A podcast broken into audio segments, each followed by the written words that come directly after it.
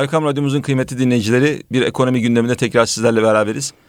Ben e, Mehmet Lütfü Arslan. Ben Osman Şentürk. Tekrar e, sizlerle beraber olduğumuz için çok sevinçliyiz. Yine haftanın ekonomik e, gündeminden ya da kendi ekonomik gündemlerimizden yola çıkarak sizinle e, 40 dakika kadar beraber olmaya gayret edeceğiz. E, ne var ne yok Osman Bey? E, piyasaların içinde olan tam böyle nabzı tutan sizsiniz. Dolar tarihi bir zirve yaptı bugün. Evet evet e, yani hafta yine her zamanki gibi hareketli geçiyor. E, diyorlar ya hani e, bir vücutta hayat belirtisi o kalp atışlarının yukarı aşağı hareketiyle olur. Tam tersi dümdüz giden bir çizgi ise ölümün çizgisidir diye tıpta bir espri var. Ya bu tamamen ekonomik anlamda canlılığın ve dinamizmin yani Ben öyle yorumluyorum. Yani aslında serbest bir e, piyasada yani İyimser böyle- okuldansınız siz yani. Kesinlikle yani bunlar hayatın e, gelgitleri ama burada çok önemli bir konu var. Biz bu gelgitleri nasıl yorumlayacağız? Bu e, metrikleri nasıl okuyacağız? Kendi hayatımızda bunları nasıl yorumlayacağız? Yani insanların sonuçta ekonomi bir katılımcı interaktif bir şeyden oluşuyor. E, yani dolar almasıyla satmasıyla ve toplumsal hareketlerle şekilleniyor. Burada doğru hareketleri nasıl yapmalıyız? Çünkü maalesef e, biliyorsunuz e, bu spekülatif kazanç elde edenlerin en çok istifade ettiği şey toplumların toplu halde korku, panik içerisinde yaptıkları bilinçsiz hareketler oluyor. Onlardan dolayı dikkat etmemiz lazım. Tam da bunları zaten yorumlamak için, bunlarla ilgili genel bir kanaate varmak için Evet. bu program var.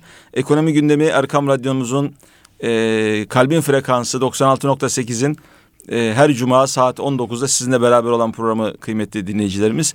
E, bizi Facebook'tan ve Twitter'dan takip edebilirsiniz. Oradan yorumlarınızı, sorularınızı paylaşabilirsiniz.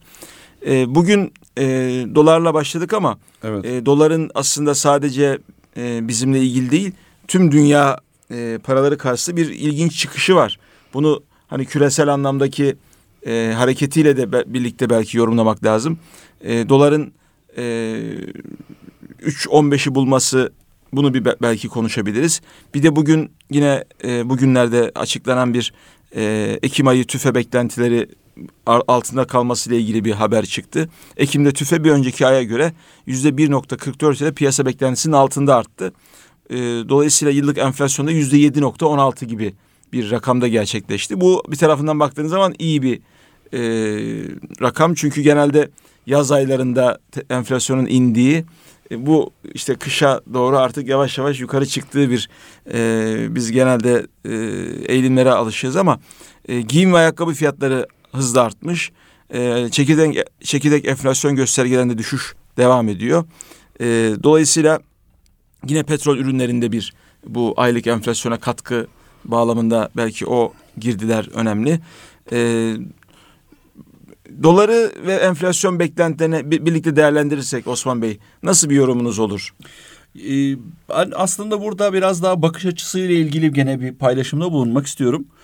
Ee, Bu çok meşhur biliyorsunuz bir e, Amerika'nın e, işte ikinci en zengin adamı var Warren Buffett isminde. Bu e, adamın e, en büyük özelliği e, yaptığı yatırımlarla bu zenginliğe gelmiş. Yan, en son hatırladığım kadarıyla 60 milyar doların üstünde bir serveti vardı. Ve 1960'larda 70'lerden itibaren Amerikan borsa sistemine yatırım yapan ve orada büyük firmaları alıp satarak bu e, serveti elde etmiş. E, master yaparken e, finans dersinde onun e, yatırım şekli üzerine bir e, profesör bir brief vermişti bize anlatmıştı ve o anlatım sırasında çok ilginç bir şey paylaştı. Brief vermek bu arada ifadeyi de hem- hemen... evet yani bir e, özet bir şeyde bulunmuştu, Yani anlatımda bir- bulunmuştu. Evet özet aslında özet de tam onu kapsamıyor çünkü brief'i niye di- diğer türlü kullanıyor bu kadar iş dünyası e, askeriyede de bu çok geçer briefing diye. Şimdi bu birazcık daha konunun aslında e, yöneticiler için önemli boyutlarının öne çıkartılmış olması değil mi? Yani Evet. e, bütün raporlarda da Amerikan tipi raporlarda şöyle bir şey vardır yönetici özeti diye. Evet. Aslında yani senin için lazım olanı ben sana söyleyeyim sen fazla yorulma bu ayrıntılarla şeklinde bir ifadedir o değil mi brief ifadesi? Aynen öyle. Buradaki tabii e, Hadi böyle bir brief geçmiş oldun. böyle bir brief geçmiş olduğunu siz de brief'in tanımını yaparken Lütfü Beyciğim. E, Warren Buffett'in ofisine gidenlerin en büyük şaşırdığı şeylerden bir tanesi bütün borsalarda veya menkul kıymet firmalarında duvarlarda asılı olan böyle kayan yazılar vardır hani. Anlık o andaki verileri gösteren, o andaki piyasa değerlerini gösteren ve herkes o canlı dataya bakarak alayım satayım alayım satayım canlı bir şeyle yaparlar. Fakat onun ofisine gidenler şaşırıyorlar. Çünkü öyle bir elektronik şey yok.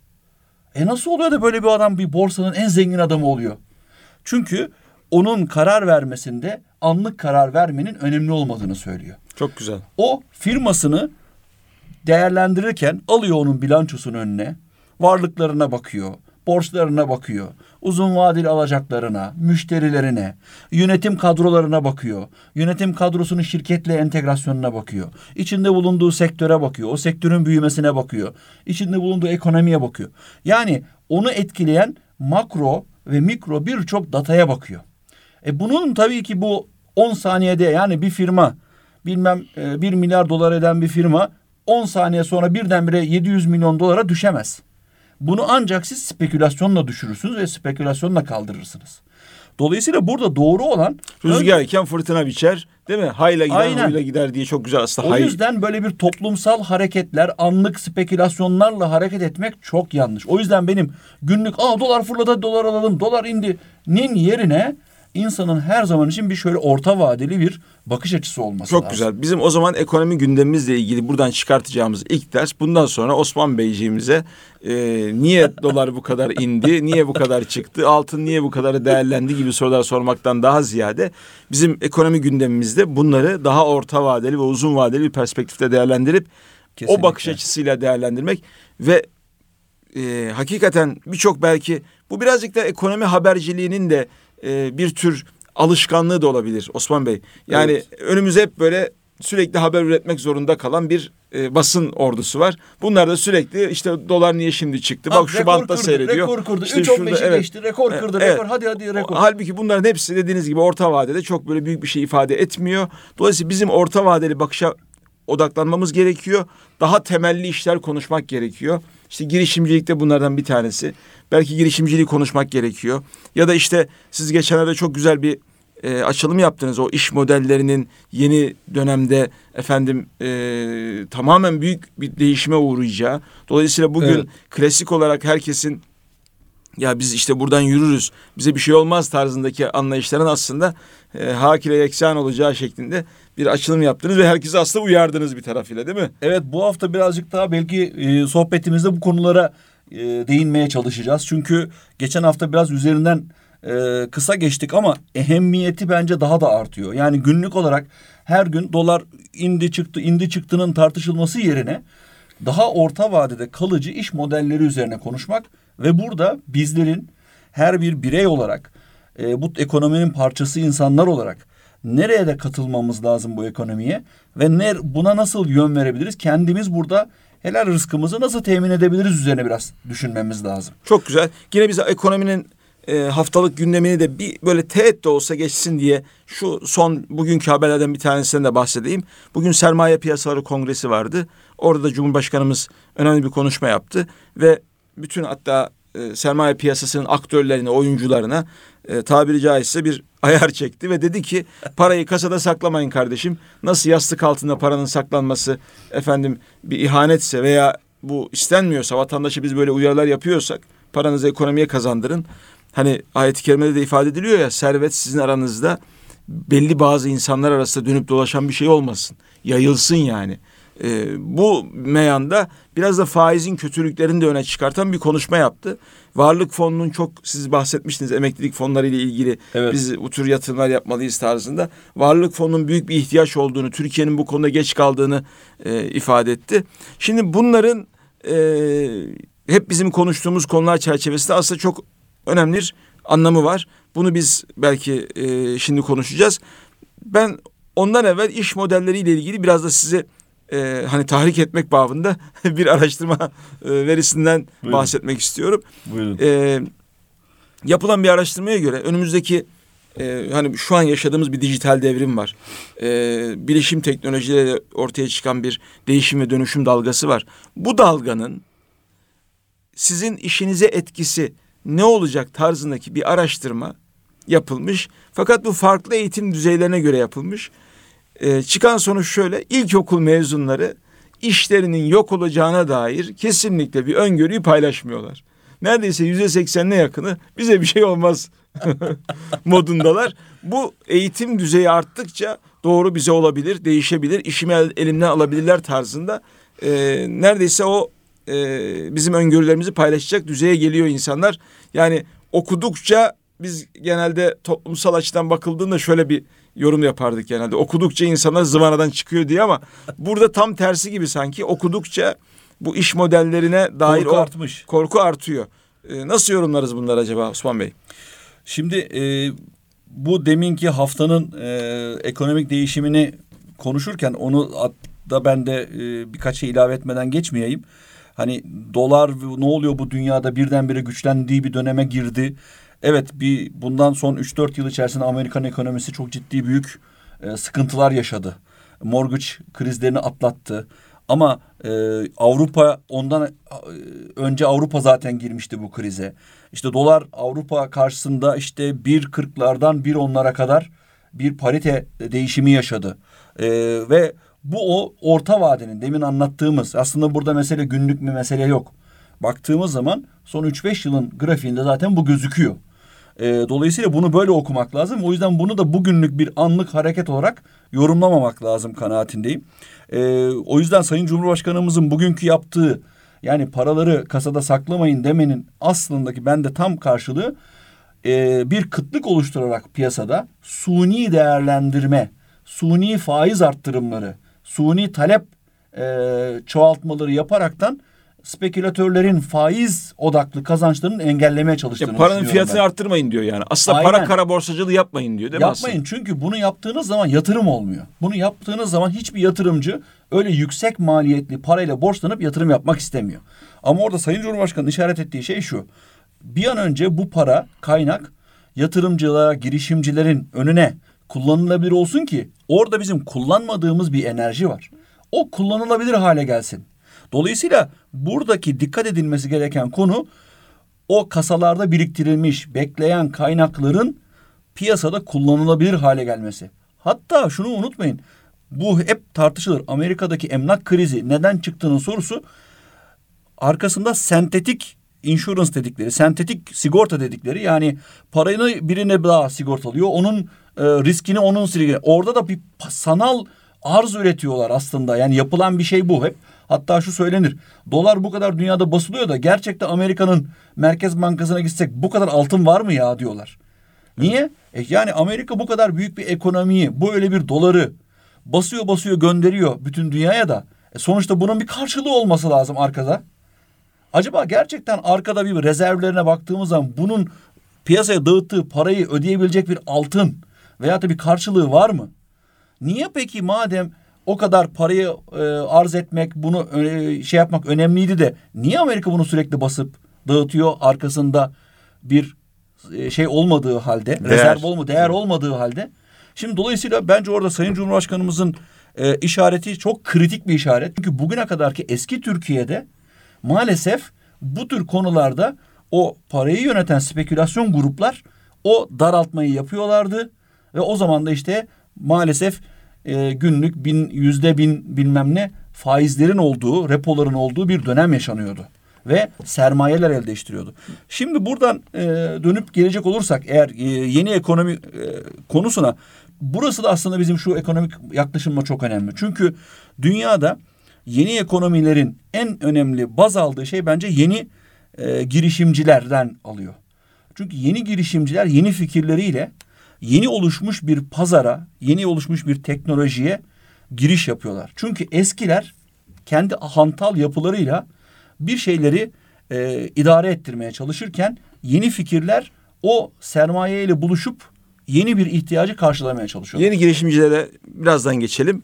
E, o çok önemli bir konu. Fakat şu e, hani spekülatif para hareketleriyle ilgili ben de şöyle bir e, rakam hatırlıyorum. Dünya üzerinde e, hani üretilen mal ve hizmetlerin karşılığı olan paranın neredeyse yedi katı sanal para dönü, dolaşıyor şu anda. Yani yedi kat daha fazla bir aslında türbülans yaratmış. Tabii, Ee, tabii. Şimdi burada iki tane piyasa var. Bir tanesi gerçek piyasalar bizim bildiğimiz mal hizmet üreten işte şuradaki e, sürahinin karşılığını e, işte efendim mal hizmet ya da emek olarak bir şekilde ortaya koyan bir gerçek ekonomi.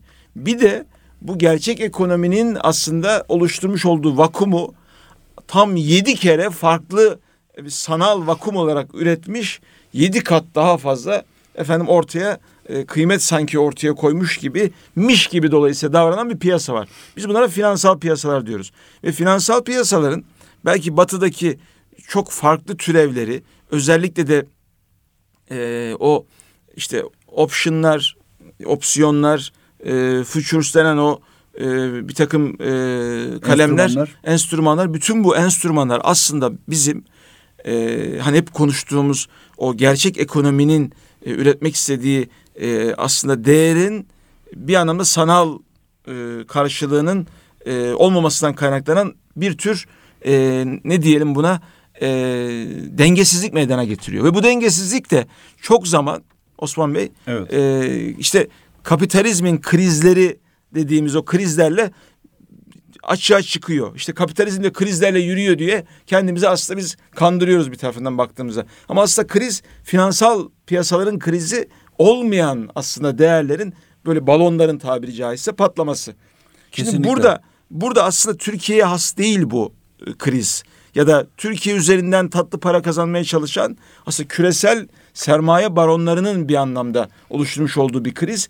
Yani bugün Cumhurbaşkanımızın aslında hani ben ona ayar diyorum birazcık da böyle bir amiyane bir tabir ama evet. o Cumhurbaşkanımızın vermiş olduğu ayar aslında bir tür e, küresel de bir şey. Yani dünya beşten büyüktür ifadesi ne kadar önemli bir ifade ise bu paradan para kazanmaya alışmış ve bu tür spekülatif hareketlerle hatta bu spekülatif hareketleri siyasi bir takım desteklerle e, ülkeler üzerinde e, bir tür hani e, rejim değişikliklerine gidecek kadar e, azgınlaşmış bir küresel elitten, finansal elitten bahsetmek mümkün. Yani buna karşı da aslında e, ortaya koyacağımız yeni iş modelleri ya da bu e, işte esas hareketi sağlamak bir ulusal dert olmaktan daha ziyade aslında küresel bir e, bağımsızlık ve adalet vurgusu. Kesinlikle. Yani bunu şey yapmak lazım. Yani ee, dünyadaki bir ihtiyaca merhem olmak aslında bana sorarsanız onun. Çünkü tam şu anda onun alternatifi dünyada üretilememiş durumda.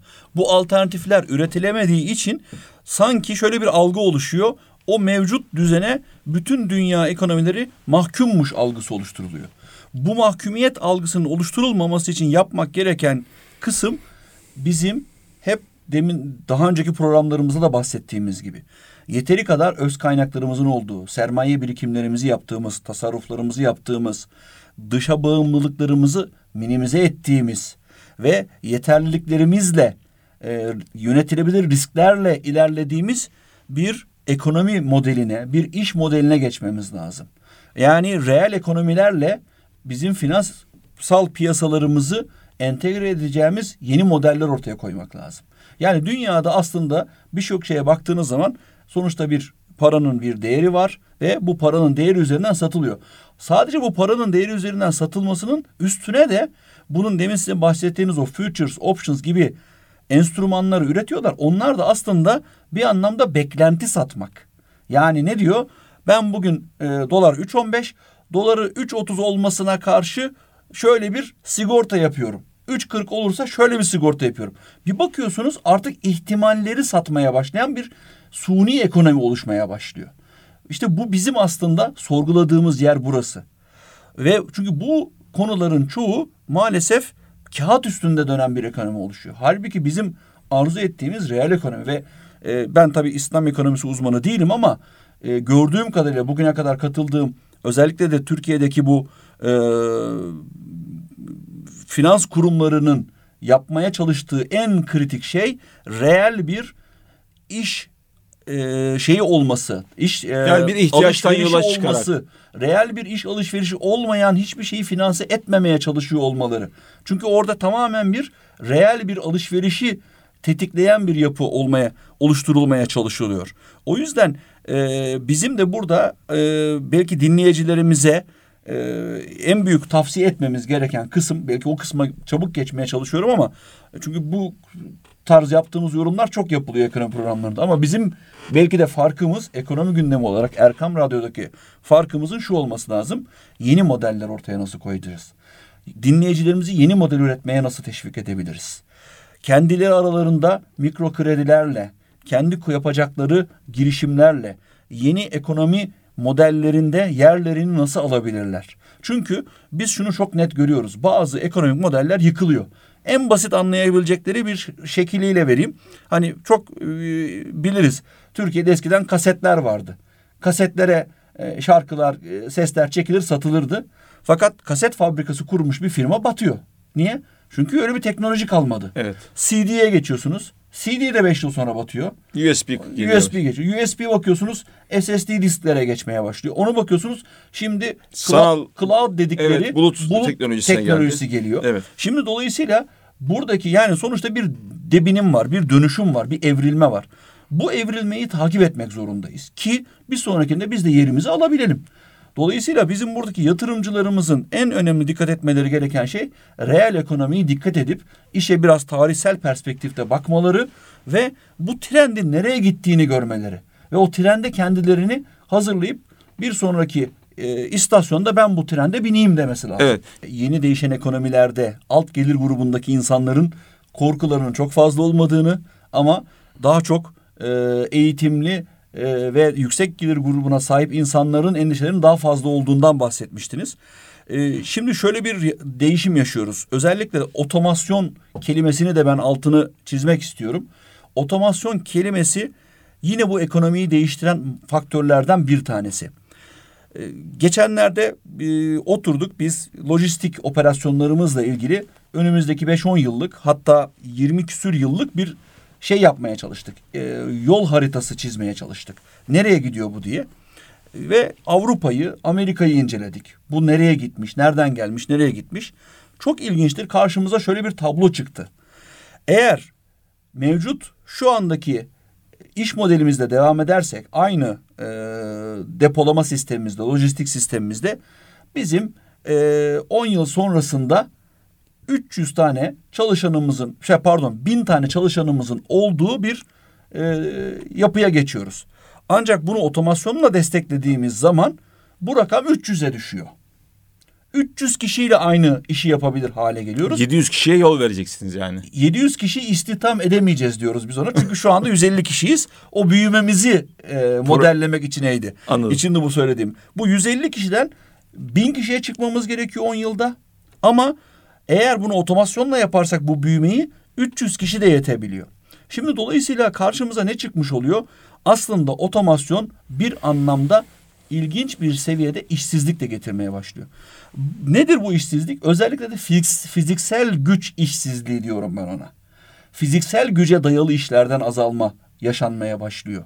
Dolayısıyla alt gelir grubundaki insanların da genellikle yaptıkları e, işler fiziksel odaklı olan işler oluyor.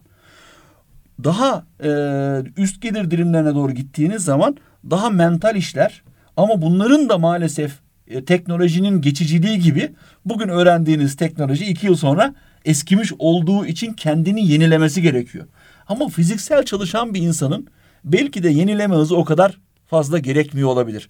O yüzden deminki sorduğun sorunun bence cevabı insanların özellikle de eğitimli ve üst düzey gelire gittikçe kendini güncel tutmak gibi bir sorumluluğu oluşuyor. Ancak fiziksel gücüyle çalışan bir insanın ben de fiziksel gücümü bir şekilde kullanacağım gözüyle bakıyor. Onun e, bilgi eskimesi daha yavaş olduğu için olabilir diye bir yorum e, yaparaktan giriş yapmış olayım.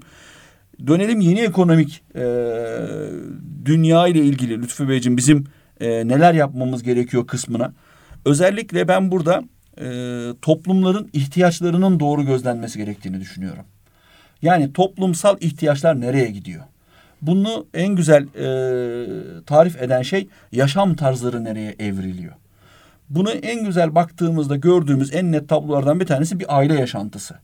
Bakıyorsunuz e, ailede işte eş çalışmaya başlamış. E, çocuğa kim bakacak? Çocuk bakıcılığı ihtiyacı çıkıyor. Anne çalıştığı için, baba çalıştığı için akşamleyin evde yemek olmuyor. Bu yemek evin nasıl e, çevrilecek? Demek hazır yemek sektörü ve endüstrisi oluşmaya başlıyor. İnsanların zamanları daraldığı için e, AVM'lere gidemiyor. Ayağına sipariş vermeye başlıyor. Kreşler çıkıyor ortaya mesela. Kreşler çıkıyor. Çocuk bakımları ile ilgili yeni bir şey yapıyor. Niye? Çünkü ortada bir e, yaşam tarzında bir değişim var. Dolayısıyla yaşam tarzındaki değişimi doğru okuyabilen bir e, herhalde yatırımcı gelecekte nerelere doğru bir yeni ekonominin evrildiğini daha doğru gözlemleyebilir. Çünkü yeni ekonomi çok daha farklı. En temelinde ihtiyaç karşılamak zorundasınız. Ve o ihtiyaçları gözlemlemeliyiz bence kanaatim burada en önemli şey bu. İkincisi de bu ihtiyaçları karşılarken tabii ki rekabetten daha iyi hizmet vermesiniz lazım. Tabii bazılarının rekabet deyince ben bazı arkadaşım beni geçen gün çok uyardı. Çok hoşuma gitti. Ee, onlar bizim rakiplerimiz demeyelim lütfen. Refiklerimiz diyelim dedi. Hmm, güzel, güzel bir tabirmiş. Ee, refik ne demek Lütfü Beyciğim? Yol arkadaşı demek. Yol arkadaşı. Bakın bu bizim belki de kültürümüz için ne kadar anlamlı bir şey değil mi? Şimdi refik tabirini koyup da rekabeti bu şekilde güzel yorumlayan bir arkadaşın yani bizim e, bu rekabetle ilgili getirdiği açılıma ben sizin ihtiyaçlar bağlamında yapmış olduğunuz tespitlerle ilgili de bir açılım yaparak Buyurun. e, Buyurun, bulunmak istiyorum. Şu anlamda şimdi hakikaten biz yeni ekonomiyi okuyalım. İhtiyaçlardan yola çıkarak nereye evrildiğini görelim ama hiç ihtiyaç tarifi yapmayacak mıyız biz? Yani Bravo. burası burası çok bizim ha- ha- hakikaten zurnanın zırt dediği yerdir. Gerçekten şimdi tamam dışarıdaki ekonomi, dışarıdaki hayat, bir takım hayat tarzları ortaya konan bu ihtiyaç tarifleri e, belki önü alınamaz bir sel gibi hem yatırımcıları hem de ekonominin her aktörünü ister istemez etkiliyor. Fakat ahlak, hayat tarzı, maneviyat ya da e, ya bu dünyanın sonu nereye gidiyor tarzında daha çok sosyal ve kültürel bağlamda kaygıları olan insanların e, sonuçta bir ihtiyaç tarifi de yapıp bu ihtiyaç tarifine uygun bir e, aslında model önerisi olmayacak mı? Yani biraz önce İslam ekonomisinden bahsettiniz. Hakikaten İs- İslam ekonomisine göre e, sınırlar şey ka- ka- kaynaklar sınırlı değildir. O Ortodoks ekonominin ortaya koyduğu e, tarif İslam ekonomisine uymaz. Kaynaklar belki sınırsızdır. Cenab-ı Hakk'ın rezzak sıfatıyla vereceğinin haddi hesabı yoktur belki. Tam tersi ihtiyaçlar sınırlıdır. İnsanlar e, sonuçta belli e, şeylere doyarlar. Fakat sınırsız olan bir şey var. Onu belki göz önüne almak lazım. Nefisler sınırsız. Şimdi işte burada çok ilginç bir e, belki e, tartışma başlıyor. Çünkü e, bu ihtiyaçları üreten veyahut da ihtiyaçları e, pazara çıkartıp Dayatan. dayatan e, bir e, top bir toplumsal hareket var ve bu toplumsal harekete katılanlar var, katılmayanlar var. Şimdi her ne kadar siz görüş olarak bunlara katılmasanız da bir realite karşınızda öyle bir talebi ortaya koyabilir. Böyle bir e, ihtiyaç talebini ortaya koyabilir. Siz mantıken yani mantıken derken manevi olarak kendiniz o talebe karşılamaya karşı çıkabilirsiniz. Yani mesela bir konuştuğumuz bir İslam ekonomisinde ya bir içki e, talebi var ve ben bunu karşılamayacağım diyebilirsiniz. Çünkü senin prensiplerinizle ve değerlerinizle ilgilidir. E, tabii ki bu her ihtiyacın karşılanacağı anlamında değildir. Onu oradaki bir değerler silsilesinden elde geçirir. E, fakat diğer toplumsal yeni yaşam tarzından kaynaklanan talepleri demin bahsettiğim gibi hazır yemek. Yani ben eve gelip yemek vakti bulamıyorum. E, o yüzden hazır yemeğe yöneliyorum. Şimdi siz orada ya ben buna karşıyım. Artık kesinlikle evlerde ben hazır yemek satmayacağım demek çok doğru bir tanım olmayacaktır kanaatindeyim. Dolayısıyla orada bir pazar var. Siz o pazarı da yerinize alacak mısınız, almayacak mısınız? Bu sizin bir tercihinizle ilgili bir şey. Ama bunu ne yaparsanız yapın oradaki en iyi hizmeti, en leziz yemeği en uygun fiyatla oraya çıkmanız gerekecek. Şimdi yeni ekonomi dediğimiz yerlerde de bakın aslında yemek değişmiyor. Neyi değişiyor? O yemeğin oraya e, gönderilmesi değişiyor. Bunun bir güzel örneğini vereceğim. Şimdi şu yaygınlaşmaya başladı insanlarda. Obezite problemi artıyor. Kilo kontrolleri sıkıntılanıyor. İnsanlar çalıştığı şey şu anda insanlara öğün öğün yemek sevkiyatı yapan şirketler ortaya çıktı. Yani evinize akşamleyin geliyorlar diyorlar ki yarın sabah kahvaltıda şu tepsiyi aç ye. Öğlenleyin şu tepsiyi aç ye. Akşamleyin de bu tepsiyi aç ye diyorlar. Bunu bir diyetisyen kontrolünde Diyetisyen kontrolüyle ve sizi yapıyor. Ee, Ve hazır yemek geliyor. Hmm, bir evet. bakıyorsunuz içinde sebzesi var. İşte onun yanında bamyası, e, taze fasulyesi bilmem nesi. Sizin ihtiyacınıza göre. Şimdi e, aynı zamanda kişi kendi obezitesini kontrol ettiğini düşündüğü için oradaki yemeği veya bu hizmeti satın alıyor. Niye? Çünkü bir zamandan kazanıyor. Yemek zamanından kazanıyor. İki sağlığını kontrol ettiğini düşünüyor. Ama bunun bir bedelini ödüyor. Şimdi bu ekonomik modele karşı çıkabilirsiniz. Ben bu sosyal yaşam tarzına ama bu sizin bakış açınızla ilgili. Ama sonuçta oradaki ihtiyacı gören bir işletmeci buraya gidip yatırım yapabiliyor. İşte burada yani bazen yanlış anlaşılıyor. Yeni ekonomi deyince hep zannediyorlar ki teknolojik yatırımlardan, e, iPhone application'larından bahsedeceğiz. Hayır.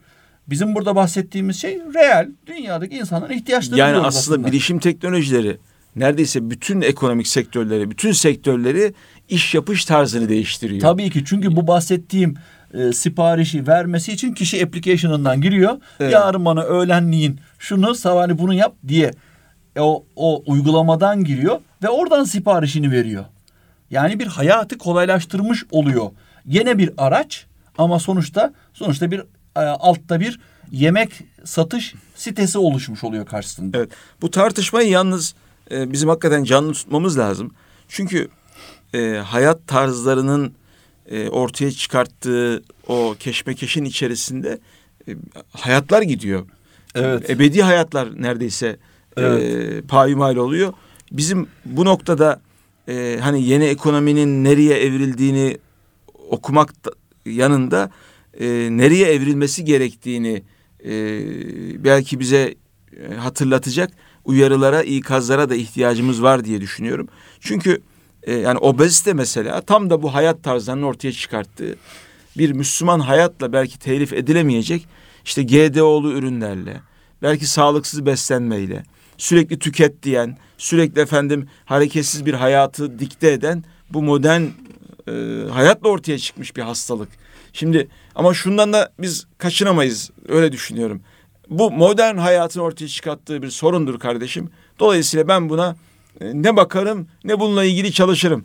Yani Diyemezsiniz. Evet bu bir sonuçta insan hastalıklarının arasına girdi. Girdi. Hastalık olarak girdi. Tamam o şeye ben katılıyorum. İşte işte alkollü içecekler ya da tamamen haram hayat tarzlarına yönelik biz ihtiyaçları da görmezden gelelim. Onlara da il- ilişkin bir efendim ekonomik modelleme yapmayalım.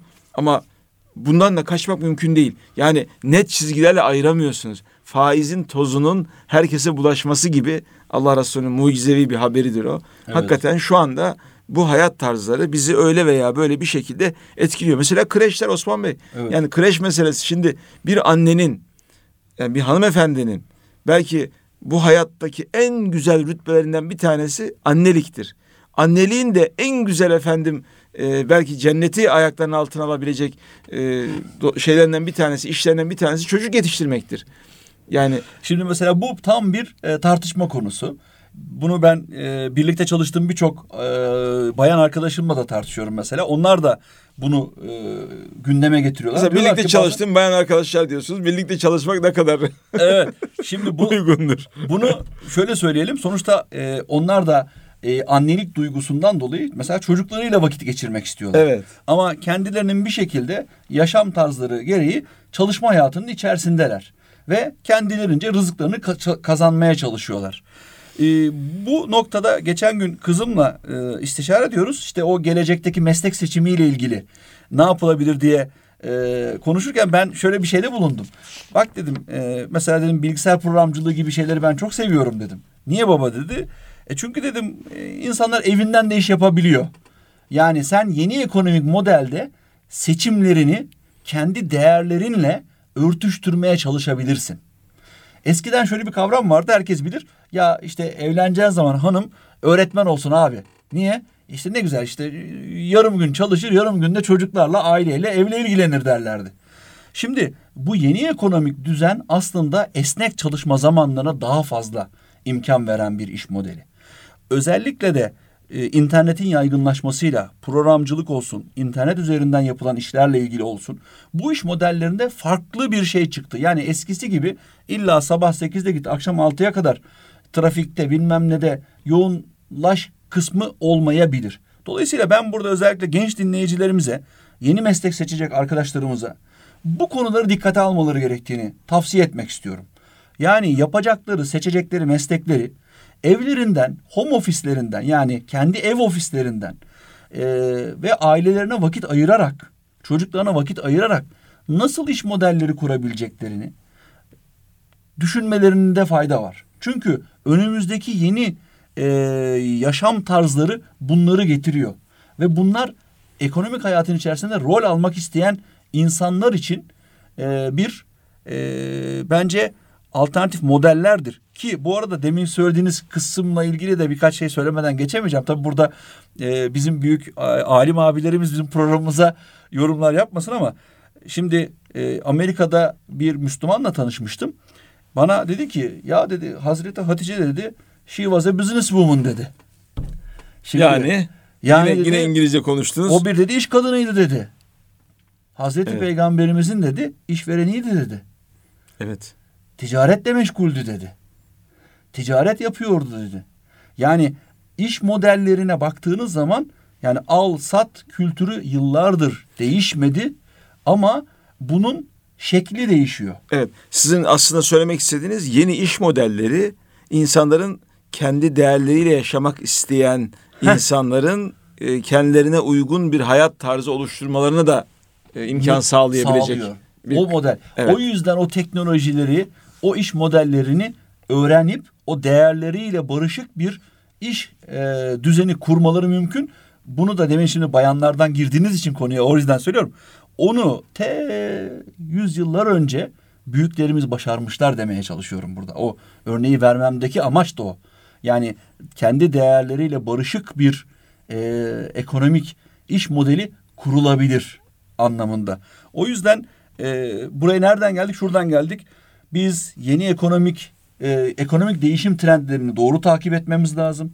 Önümüzdeki trendlerde neler olduklarını görmemiz lazım ve orada ihtiyaç oluşacak alanlara kendimizi hazırlamamız lazım. Dedik. Evet. Ya bu aslında e, kendi değerlerimizin e, savunulması anlamında da yeni ekonomi ya da bilişim teknolojileri bize çok güzel açılımlar sağlayabilir. Buralardan bakarsak eğer e, yine siz çok böyle ustaca bir manevrayla yine yeni iş modellerinin ne kadar önemli ve e, gerçekten e, ufuk açıcı olduğunu göstermiş oldunuz. Şimdi girişimciliğe gireceğiz ama aslında çok da vaktimiz kalmadı. Doğru. E, biz giremedik e, bir türlü girişimciliğe. Evet, girişimciliği bir türlü e, halledemedik. E, bu aslında her zaman konuşacağımız bir konu. Doğru. Sürekli böyle bununla ilgili e, ifade edeceklerimiz olacaktır. Çünkü dediğiniz gibi biz hani bugün dolar ne oldu, yarın işte e, tahviller nasıl olacak gibi böyle anlık ya da haftalık ya da günlük değerlendirmelerle değil, daha orta ve uzun vadeli okumalarla e, aslında bir ekonomi programı yapmaya çalışıyoruz. Zaman zaman da belki o e, değerlerimizle e, ortaya çıkan e, o hani yeni ekonominin ya da eski ekonominin ya da hayat tarzlarının ortaya çıkarttığı o çelişkileri bazen e, çatışmaları e, kapışmaları bunları e, okumalıyız, yorumlamalıyız. Bunları konuşmakta da bence çok çekingen olmamalıyız. Çünkü bu bir hayatın gerçekten nasıl ekonomi bir cüz'üdür. İnsanlar yemek, içmek ve kazanmak bir şekilde rızıklarını temin etmek zorundadırlar. Bunun da Allah'ın emrettiği, kitabın, sünnetin gösterdiği çerçevede olmasına dikkat etmeleri de aslında onların en az rızıkları kadar önemli bir şeydir. Bu ikisi arasındaki aslında ya o ayrı bir dünyadır, bu ayrı bir dünyadır diye bize bunları dayatanlar aslında çok büyük bir cinayet işliyorlar. Biz buna da fırsat vermemeliyiz. Yani bu bağlamda ben e, işin yani buna ulema ne der tarzında yaklaşılmasına da çok sıcak bakmıyorum Osman Bey. Şu anlamda bakmıyorum. Ben hakikaten son tahlilde hayatımın hesabını ayet-i kerimede fürada diye geçiyor. Tek başımıza sizi yarattığınız gibi diyor. Sizi yarattığımız gibi tek başınıza yine tek başınıza hesaba çekeceğiz. Her insan kendi ferdi hesabını Cenab-ı Hakk'a verecek. Dolayısıyla rızkını nereden kazandı? Nasıl kazandı? Bunu kazanırken o değerlerine, hayatını hayat yapan işte Allah'ın koyduğu kurallara uygun mu yaptı yoksa tam tersi mi bir yol izledi? Bu noktalarda nasıl bir e, hoca efendinin, bir alimin hassasiyeti, sorumluluğu varsa Her insanın da bu anlamda bir hassasiyeti, sorumluluğu vardır. Belki bu sorumluluğu herkesin tek başına kendi içinde hissetmesi ama tabii herkes de bence deyip çok rahat ahkam da kesebiliyor. Gidip bunu belki sorması. Ben bu derdi herkesin ferdi olarak hissetmesi gerektiğini düşünüyorum. Ama bunların gündeme getirilmesi noktasında da belki ferdi e, çıkışlar yapılabilir. Ama son tahlilde kitap ne diyor, sünnet ne diyor? Tabii ki ulemanın, tabii ki efendim kitabın, sünnetin dedikleri çerçevesinde bir yol tutturmak icap ediyor. Ben burada herhalde zamanımız azaldı. Yani toparlasak iyi olur. O evet. yüzden e, son konuda şu eklediğiniz e, girişle ilgili bir şey e, paylaşayım. Öylece e, bugünkü paylaşımımızı e, nihayetlendirmiş olalım. E, özellikle yeni ekonomiyi takip etmek için ben işte Amerika'nın Silikon Vadisi'nde çıkan birçok dergiyi, oradaki yenilikleri takip ettiğim gibi e, hatırlarsanız bana geçen yıl siz bir hediye etmiştiniz. Kitap hediye etmiştiniz. E, 8 ciltlik bir kitaptı. E, sevgili e, Diyanet İşleri Başkanımız Profesör Mehmet Görmez hocamızın hazırladığı bir heyetle hadislerle İslam diye. Ben o kitabı e, şeyi ciltleri okumaya başladım. Ne güzel. Ve e, orada şunu fark ettim. O e, hadis e, külliyatını e, evet ben bir alim olmayabilirim ama ben o yaşam tarzını anlamak, inandığım yaşam tarzını anlamakla mükellefim. O mükellef olduğum e, hayatı öğrenirken yeni ekonomiyle ilgili üstüme gelenleri de görüp onların arasından bugünün sentezini çıkartmakla ilgili bir yok, sorumluluğum olduğunu düşünüyorum. Demin sizin o bireysel olarak bir gün hesaba çekileceğiz dediğiniz soru var ya. İşte orada maalesef şu hatayı yapılıyor günümüzde. ABC şahıslarına havale ediliyor. Benim ben o ne diyorsa ben onu yaparım. Hayır biz ilmimizi, bilgimizi bu tür güzel kaynaklarla bence bezemeliyiz ki bu yeni gelen ekonomiler, değişimler, trendlerde bunları nasıl yorumlamalıyız? Yani o tarih perspektifiyle nasıl yorumlamalıyız? Değerler perspektifiyle nasıl yorumlamalıyız? Ki gelecekle ilgili bir beklentiyi ve bizim için bir ekonomik tercihi sonuçta elimizdeki sınırlı kaynakları sınırlı kaynak derken sermaye anlamında kastediyorum. Bunları nasıl bir e, dağıtım yapabilelim diye. O yüzden böylece her hafta belki bir küçük kitap e, tavsiyesi yapmış oluruz. Evet. Bu haftanın tavsiyesini de hadislerle İslam diyerekten yapmış olalım. Hadislerle İslam e, hakikaten çok güzel bir açılım oldu. E, siz dediniz ya Hazreti Hatice bir aslında iş kadınıydı diye. Evet. E, Yine hatırlarsanız o kitaptan bir hadis okumuştuk beraber. E, bir sahabe hanım tüccara Efendimiz diyor ki sen diyor malını satarken nasıl satıyorsun? Evet. Çok ilginç bir soru gerçekten. Yani o da diyor ki ya Resulullah diyor ben diyor herhangi bir şeyi alacak olduğum zaman e, verebileceğim fiyatın daha düşük fiyatını söylerim. Kademe kademe kademe oraya gelirim. Satacağım zaman da normalde istediğim fiyatın daha üstünde bir fiyat söylerim. Sonra kademe kademe kademe pazarlık çünkü Evet. yapar ve oraya getiririm. Dolayısıyla e, aslında alırken de satarken de aslında Efendimiz böyle yapma diyor. Doğrudan alırken de tam verebileceğin fiyatı söyle, satarken de tam istediğin fiyatı söyle. Bak oradaki ziyade çok ilginç. Yani Efendimizin yorumu bu şekilde diyor bereketi muhafaza etmiş olursun ya da bereketten mahrum kalmamış olursun. Şimdi bereket gibi aslında heterodoks ya da ortodoks ekonominin tanımadığı bir kavram. Evet bence gelecek programlara bir başlık çıktı. Tamam. Ekonomide bereketin tarifi nedir Nedir şimdi? Tamam. Dünya ekonomisinde tarif edelim. En azından bizim ekonomi gündeminin bereketi bu olsun. Öyle İnşallah. söyleyelim. İnşallah. Bu, bu tür e, açılımları da biz yapmaktan geri durmayalım Osman Beyciğim. E, Evet. Siz ilk şeycisiniz, e, iş adamısınız. Ben kendime göre e, işletmeci, e, en azından teorik bağlamda akademisyenim. Ama biz e, yine hadislerden, kitaplarımızdan, büyüklerimizin e, ifadelerinden, tavsiyelerinden, nasihatlerinden geri kalmayalım. Zaten bir ekonomi farkının, ekonomi programı farkının, Erkam'daki bir ekonomi programının da farkının bu olması gerektiği kanaatindeyim. Efendim bir e, ekonomi gündeminin daha sonuna geldik. E, kıymetli kardeşim, arkadaşım, kadim dostum Osman Şentürk'le beraber e, biz her cuma saat 19'da burada ekonomiyi konuşmaya devam edeceğiz. E, bu e, saatlerde bir işiniz yoksa size bekleriz. Yorumlarınızı ve varsa e, kanaatlerinizi de hem Facebook'taki hem Twitter'daki sayfalarımıza bekliyoruz efendim. Teşekkür ediyoruz bütün dinleyicilerimize. Selam ve hürmetlerimizi paylaşıyoruz efendim. Hayırlı akşamlar efendim.